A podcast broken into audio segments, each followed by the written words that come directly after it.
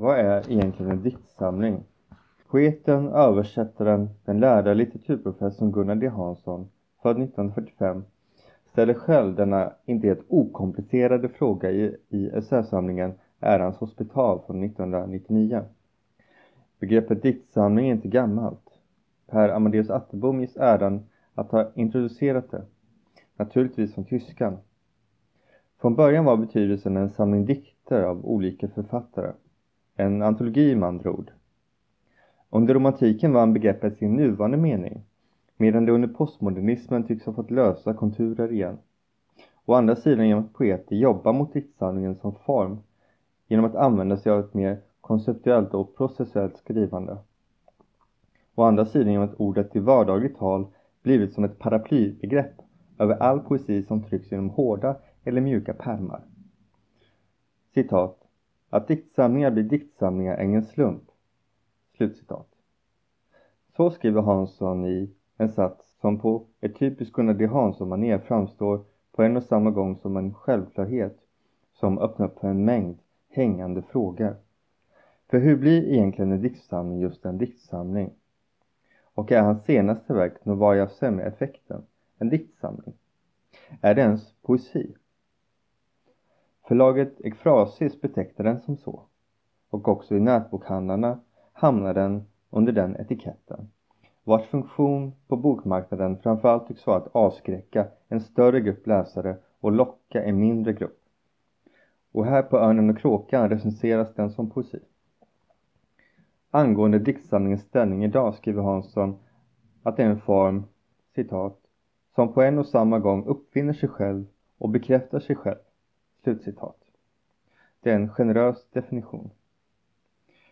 Gunnar D Hanssons senaste bok, eller ja, diktsamling, Novaya Semmy-effekten, utgörs av 62 numrerade anteckningar, ett dussin fotografier och en prosatext om vikingabosättningen Stockar. Osorterade noteringar kallar Hansson dem själv. Möjligen en ödmjukhet, ett sätt att ta ner förväntningarna.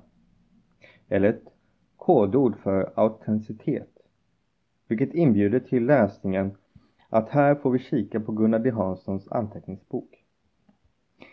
Det är troligen en dribbling. Notiserna är såklart sorterade, värderade, utvalda enligt en konstnärlig princip. Eller kanske man ska säga intuition. Som man känner igen från författarskapet. Högt blandas med lågt. Infall läggs på infall. Den personliga anekdoten placeras bredvid den allmänna krönikan. Den samtida spaningen bredvid den historiska undersökningen. Och även om vi kan sätta frågetecken efter beteckningen poesi eller diktsamling så finns utan tvekan lyriska inslag och obestridliga lyriska kvaliteter. Trots att Hansson har, citat, retirerat från de alltför anspråksfulla radbrytningar som lett honom vilse i frågan om diktarternas uppdelning samt i frågan om den allmänna olyckan. Slutcitat. Som det hette i Nervösa nationer från 2021. Bland notiserna finns avskrifter från två ställen i Camus anteckningsböcker som poeten skrivit av citat för att inte glömma slutcitat.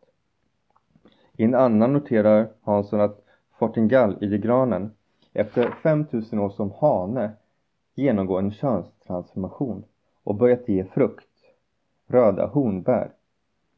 Här finns kortare essäer, brottstycken, reflektioner Vissa gånger består notiserna av ett citat som poeten hittat i sin läsning eller ett fynd från sina utgrävningar i lokalhistoriska arkiv. I not 12 frågar poeten Bör Nietzsche-citat förbjudas i dikter? Slutcitat. I nästa följer en anteckning om förekomsten av stromatolitkalksten i närheten av Hovenäset och dess eventuella kosmologiska implikationer. Hansson återvänder till motiv och poeter som han länge uppehållit sig vid. Mackrillarna, idegranarna, lunnefåglarna, de isländska sagorna, författare som Thomas Torild och William Carlos Williams. En och annan notis om släktforskning och den egna släkten slinker också med i urvalet. I vanlig ordning grävs platsens historia ut för att hitta dess orörda lager. med fältfilologi och onomastik, alltså studiet av ortsnamn. I OIs senaste nummer, som vigs åt just Gunnar D Hansson, argumenterar Thomas Gutzelius för att poeten är, citat, mer lik en diktande lokalhistoriker än en solitär platspoet. Slutcitat. Saken kan diskuteras, men ett tungt vägande argument för Gutzelius linje är att Hanssons diktböcker snarare öppnar för sakliga publikfrågor än svårmodiga nickningar efter uppläsningar. Novaja Semja-effekten flätar samman platsen, litteraturen och den egna historien. Geografin, texten och blodet. Gunnar D Hansson vore inte sig lik om han inte skapade oväntade förbindelser dem emellan. Citat. Djupt nere i det förflutnas vart ifrån anas ett kommande vart hän. Slutcitat. Skriver han på ett ställe. Bara genom att stoppa ner händerna i jordlagren, i källtexterna och arkivens stammiga vrår kan vi börja ana vart vi är på väg och förstå vilka vi är. Samtidigt, när man gräver bakåt riskerar tanken att börja svindla. Man upptäcker allt som kunde ha blivit. Man kan drabbas av vemod över allt som försvunnit och allt som kan försvinna. Arter, platser, litterära former. Hanssons självpåtagna uppgift verkar emellanåt vara att rädda dem helt från glömskan. Kanske det är därför hans sena verk liknar ett arkiv. Diktandet blir då en fråga om att samla, eller diktsamla, för att låna ett av Hanssons egna begrepp. Det eklektiska, vildvuxna privatarkivet, där allt som fångat poetens uppmärksamhet lagras och med jämna mellanrum ställs ut i bokform. Kanske är denna form en underutnyttjad potential för poesi. Här har konstvärlden definitivt ett försprång. Om poesin inte kan förnyas så kan den förändras, slog Thomas Gutzelius fast 1999 i Lyrikvännen i sen Det är kreativ dikt. Arkivet är just en sådan väg mot förändring. För att poesi, för Hansson, åter ska bli möjlig att skrivas utan tyngden från det romantiska arvets krav på innerlighet. Att bläddra i Gunnar D Hanssons arkiv är en glädje driven som är av lust och nyfikenhet. Den entusiasmen smittar av sig. Störst behållning har jag av Novaja Semja-effekten när den uppehåller sig vid litteraturen och poesin. Som i notis där poeten skriver om Darwin. Evolutionsteorins fader menar på ålderns höst att han inte längre kunde läsa Shakespeare eller lyssna på musik med behållning. Allt för länge hade Darwin, enligt egen utsago, ensidigt studerat naturvetenskapen. Resultatet blev att hans förmåga att tillägna sig konst hade fallit i träda. Sensibiliteten inför det lyriska är ingenting givet eller beständigt, utan ett organ som måste övas upp och upprätthållas. Passagen får Hansson att tänka på en poesilektion han hade med några lågstadieelever. Hur barnen snabbt förvärvade förmågan att skriva poetiskt och den oundvikliga förlusten av denna förmåga när vuxenlivets alla mödor börjar tynga. Notisen avslutas med ett citat ur Pindaros dikt Kväll. Citat. Något lika är vi gudarna, mer till natur än till sinnen. I barndomen tydligt, sedan bortglömt. Mörka krafter för oss bort. Gunnar D Hansson är en glimrande betraktare av de snabba förändringar samtiden genomgår. Inte minst de regionala och teknologiska. Och vad dessa gör med oss människor och det landskap vi bebor. Poeten noterar de nya osynliga husägarna i Bohusläns kustlandskap. Verandornas musikanläggningar, citat, håller det förflutna på avstånd. Det är, citat, en intighet i lyckoskepnad. Medmänsklighet bedyras, men är bräcklig. Annorlunda med solen, som inte är någon husägare. När den visar sig på eftermiddagen, allt så skört att hjärtat klyvs. Slutcitat. De sista raderna visar att i de dammiga arkiven trots allt bor en som kan svärma och att det i prosan bor en poet. Angående Hanssons prosapartier skriver Malte Persson i sin vindlande poetiska essä i OI. Det kan vara citat undersköna i sin bildtäta, elliptiska, rytmiska stil. Slutcitat. Hansson stannar aldrig kvar i den trygga pessimismen, förfaller aldrig i missmod. Han lägger märke till tendenserna och fogar dem till sitt arkiv, rör sig därefter vidare eftersom det finns så mycket annat som lockar.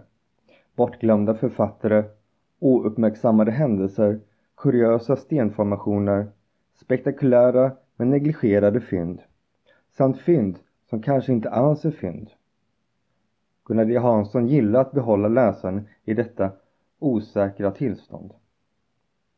En sista längre prosatext kallad Stockar ackompanjeras av ett par decennier gamla fotografier. Vi ser ett bergigt kustlandskap med ett antal säregna stenformationer. I texten undersöker Hansson om detta möjligen är boplatsen Stockar, ett lokalt maktcentrum under vikingatiden och möjligen också vikingakungen Tryggve Olavssons begravningsplats. Hansson hittar två källtexter som styrker antagandet. Någon visshet uppnås emellertid aldrig. Hypoteserna förblir hypoteser. Men stenarna i sina citat svåravläsbara mönster slutcitat bär på citat en svagt bultande erfarenhet slutcitat. Och själva undersökningen av plats och text har gjort tillvaron fylligare. Själva efterforskningen är meningen, resultaten sekundära. Novaya Semja-effekten tillhör inte Gunnar D Hanssons storverk och en av mina största invändningar är att den alltför snabbt tar slut. Den som vill bekanta sig med Gunnar D Hansson bör nog välja en annan bok först. Kanske Tapeshavet från 2017. Men för den inbitna Hansson-läsaren är den omistlig.